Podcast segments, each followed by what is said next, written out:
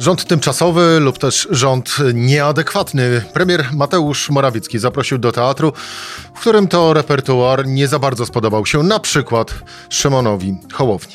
Tymczasem Sejm rozpoczął pracę nad powołaniem pierwszych komisji śledczych, które mają rozliczyć rządy Prawa i Sprawiedliwości.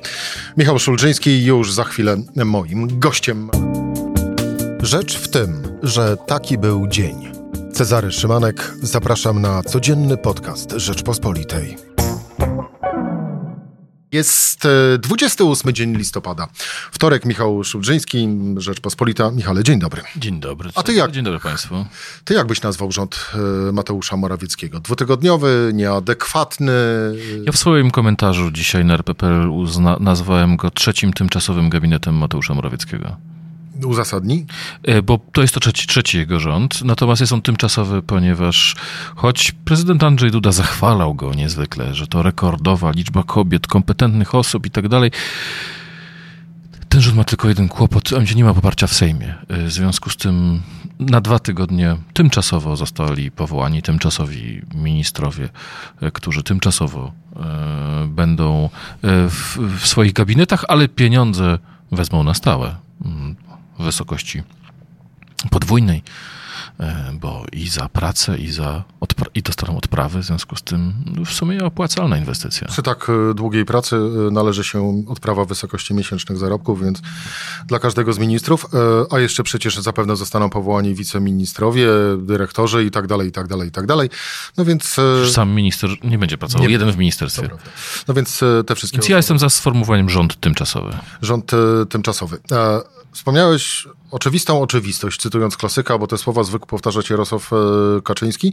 Mówię o zbitce oczywista oczywistość, że rząd Mateusza Morawieckiego, ten ostatni, trzeci, czyli który w poniedziałek został zaprzysiężony przez prezydenta Andrzeja Dudę, nie ma poparcia w Sejmie. No, ale to... Czy ma poparcie 190 paru posłów, a tak, powinien mieć 231? Nie ma, nie ma większości w Sejmie. Wiedzą o tym wszyscy.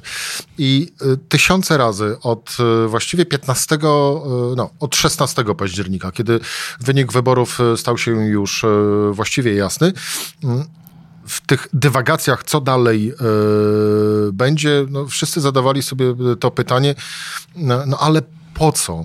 Po co Mateusz Morawiecki, Prawo i Sprawiedliwość w momencie, kiedy niby wygrali, ale przegrali wybory, mają tworzyć ten, ten rząd. Oczywiście na niebie i ziemi było przez tych kilka tygodni wiele znaków, które odpowiadały na pytanie po co, czyli bo te pieniądze im się należą, cytując byłą premier Beatę, Beatę Szydło. Są jeszcze inne cele? Tym celem największym, oczywiście zakładam na moment, przyjmuję takie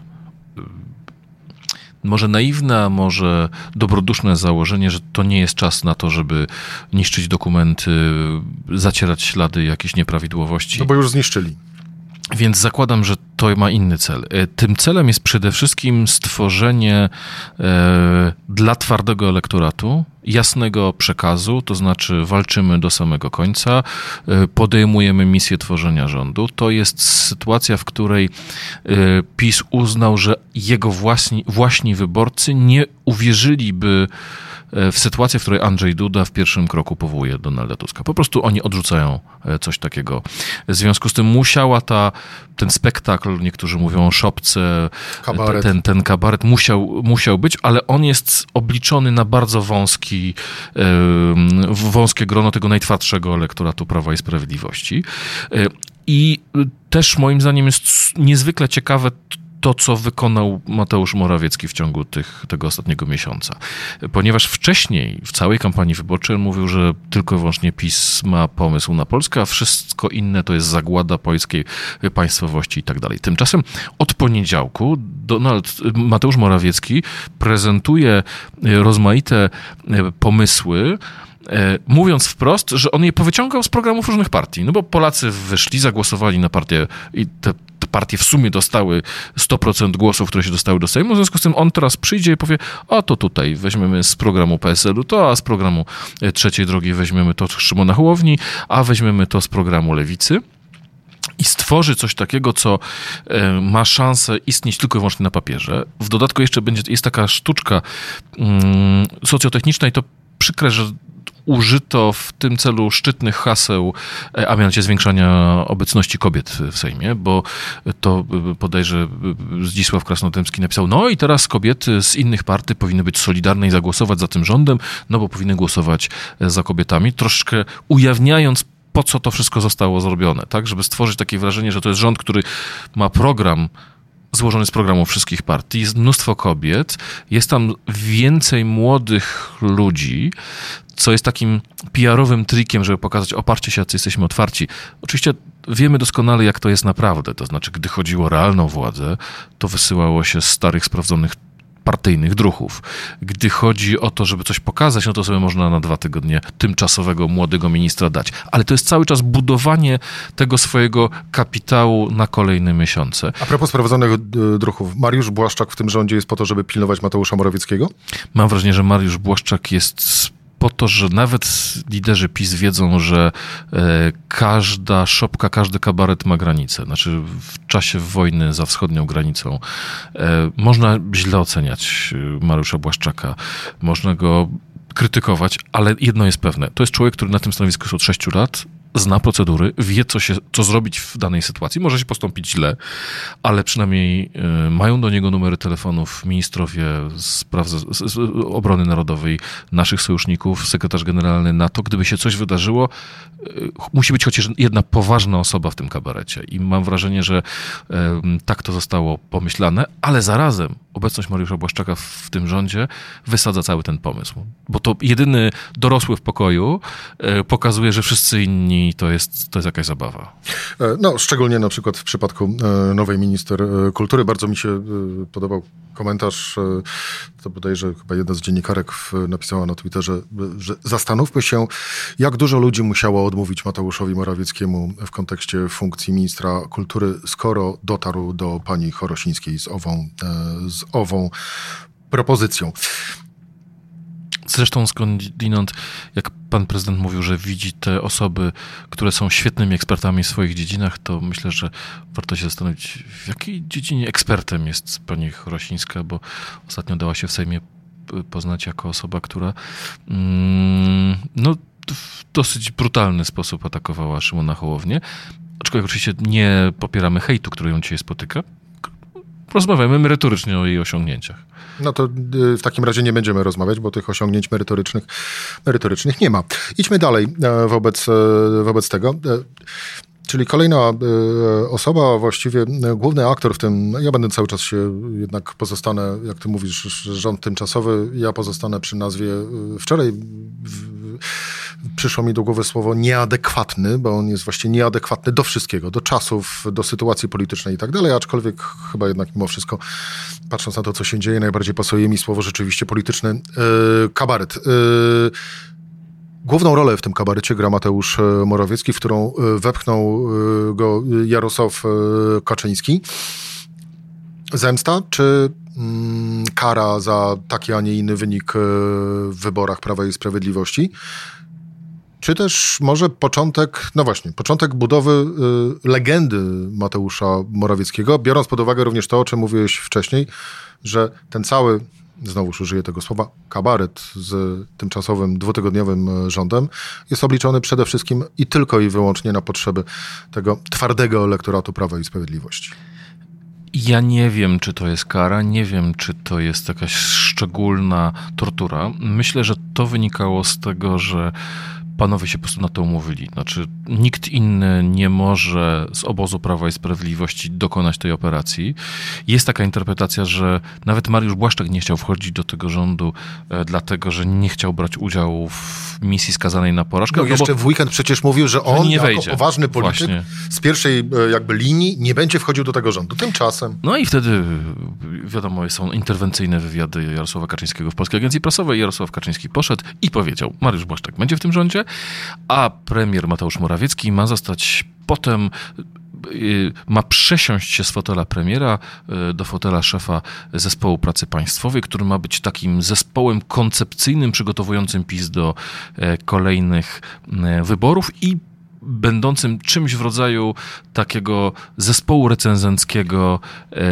Przygotowującym nowego. Mateusza Morawieckiego do roli zastępcy Jarosława Kaczyńskiego? No tak to teraz wygląda, dlatego że skoro on się podjął tak niewdzięcznego zadania, czyli misji, która nie ma szans się udać, ale ma przenieść pewien ideologiczny ładunek, ma być takim właśnie mitem e, ukradzionego zwycięstwa, mitem Mateusza Morawieckiego, który chciał zbudować program taki dla wszystkich z tych programów, no to jeżeli on się już tak naraża tym wszystkim na śmieszność, y, no to dlatego, że poprosił go o to mm, Jarosław Kaczyński, albo żeby on, albo partia go o to poprosiła, żeby on tak cel, cel, cel zrealizować.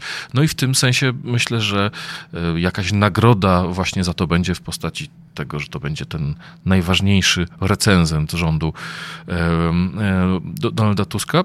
I to zresztą jest trochę zgodne z tym, co PiS robił w kampanii, bo pamiętajmy, że w kampanii e, do debaty z Donaldem Tuskiem PiS wysłał Mateusza Morawieckiego, a nie Jarosława Kaczyńskiego. Jarosław Kaczyński tu jest takim, powiedziałbym, mm, czarodziejem, który siedzi w swoim miejscu, w swoim zamku i planuje, natomiast wojnę prowadzą jego żołnierze i generałem tej armii, e, czy dowódcą tej armii jest, jest, jest Mateusz Morawiecki.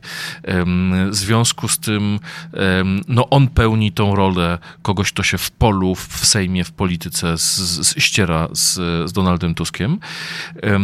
Natomiast mam jednak wrażenie, że w ten sposób jednak PiS wyrządza krzywdę Mateuszowi Morawieckiemu bo e, oczywiście naj, najtwardszy elektorat uzna, e, że to jest bohater, który, który walczył, tak jak była ta legenda rządu Jana Olszewskiego zbudowana później, ale współcześni Janowi Olszewskiemu zwracali uwagę na to, że to jest lider większości, która się rozpadła e, i który się z nikim w Sejmie nie był w stanie e, dogadać. To była piękna postać z piękną kartą historyczną Jan Olszewski w czasach komunizmu, obrońca w procesach politycznych, ale jako premier no, nie potrafił zarządzić swoim zapleczem, nie potrafił zbudować swojego zaplecza. Częścią tego zaplecza był skądinąd wtedy Jarosław Kaczyński.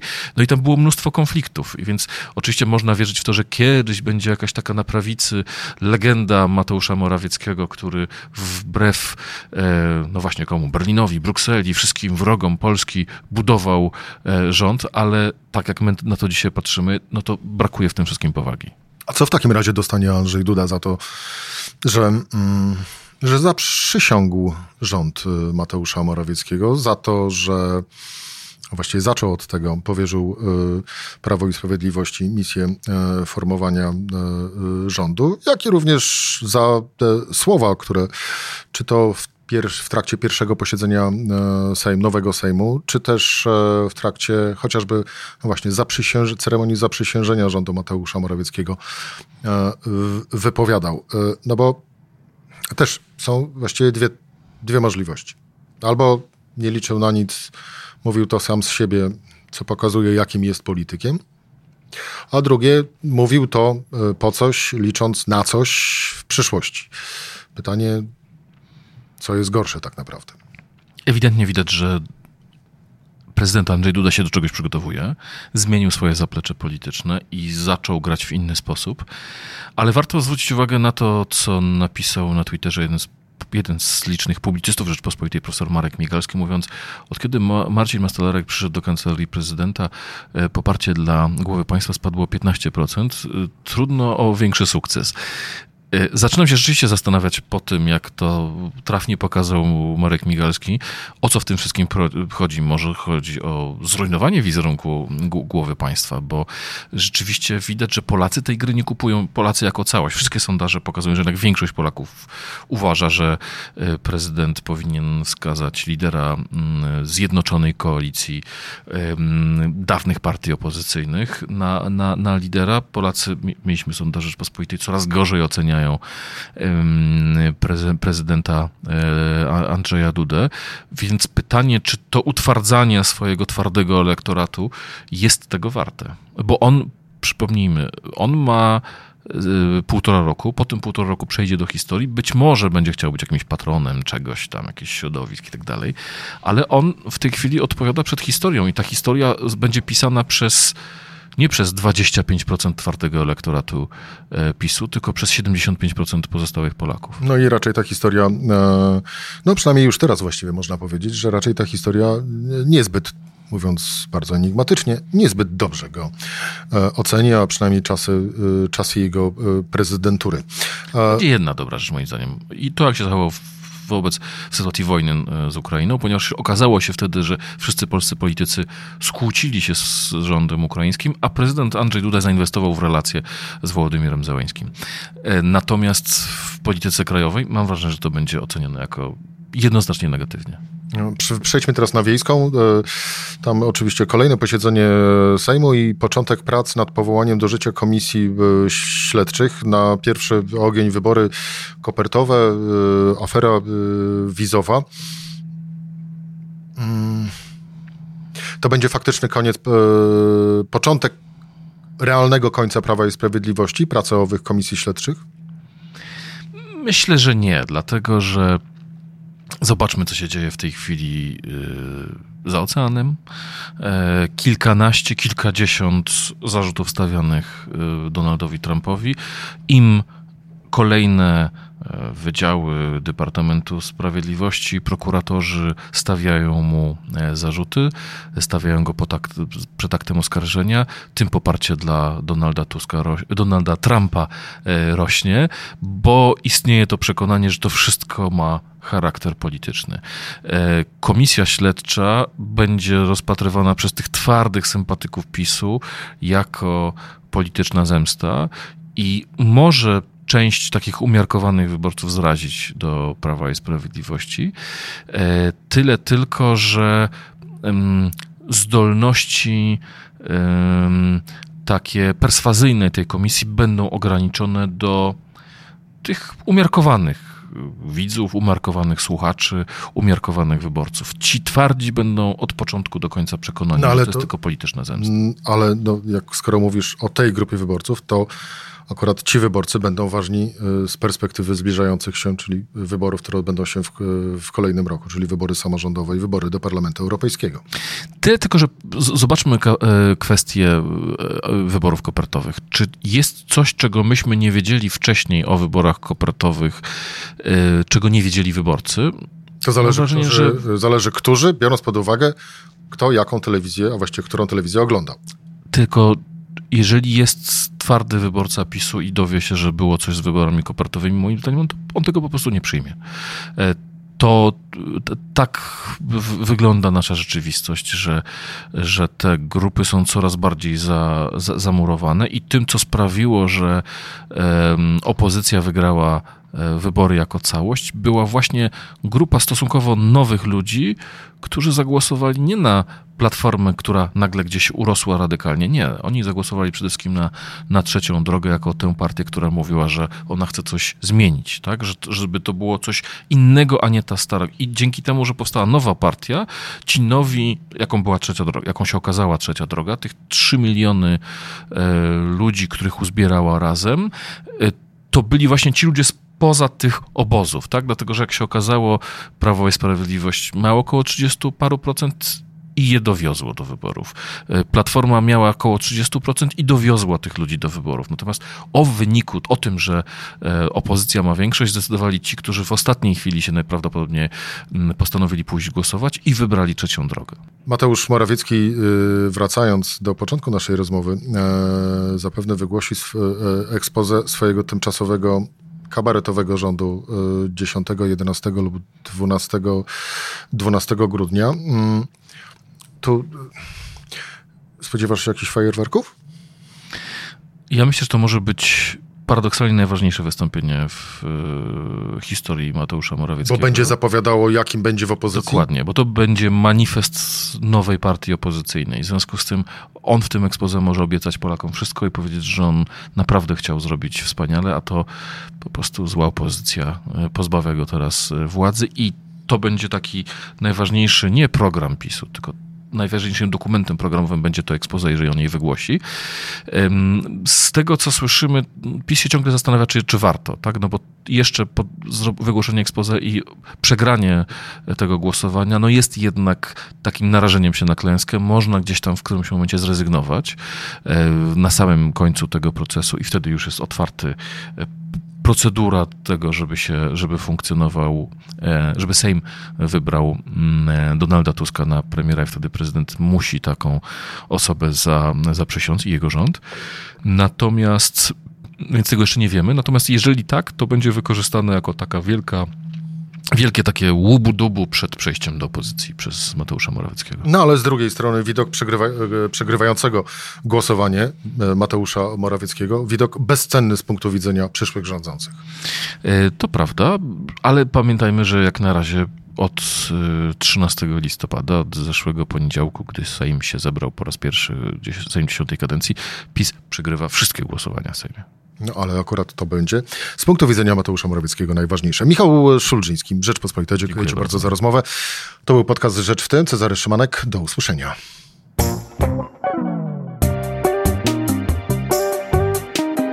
Rzecz w tym to codzienny program Rzeczpospolitej. Od poniedziałku do czwartku o godzinie 17. Słuchaj na stronie podcasty.rp.pl. Włącz Rzecz w tym w serwisie streamingowym.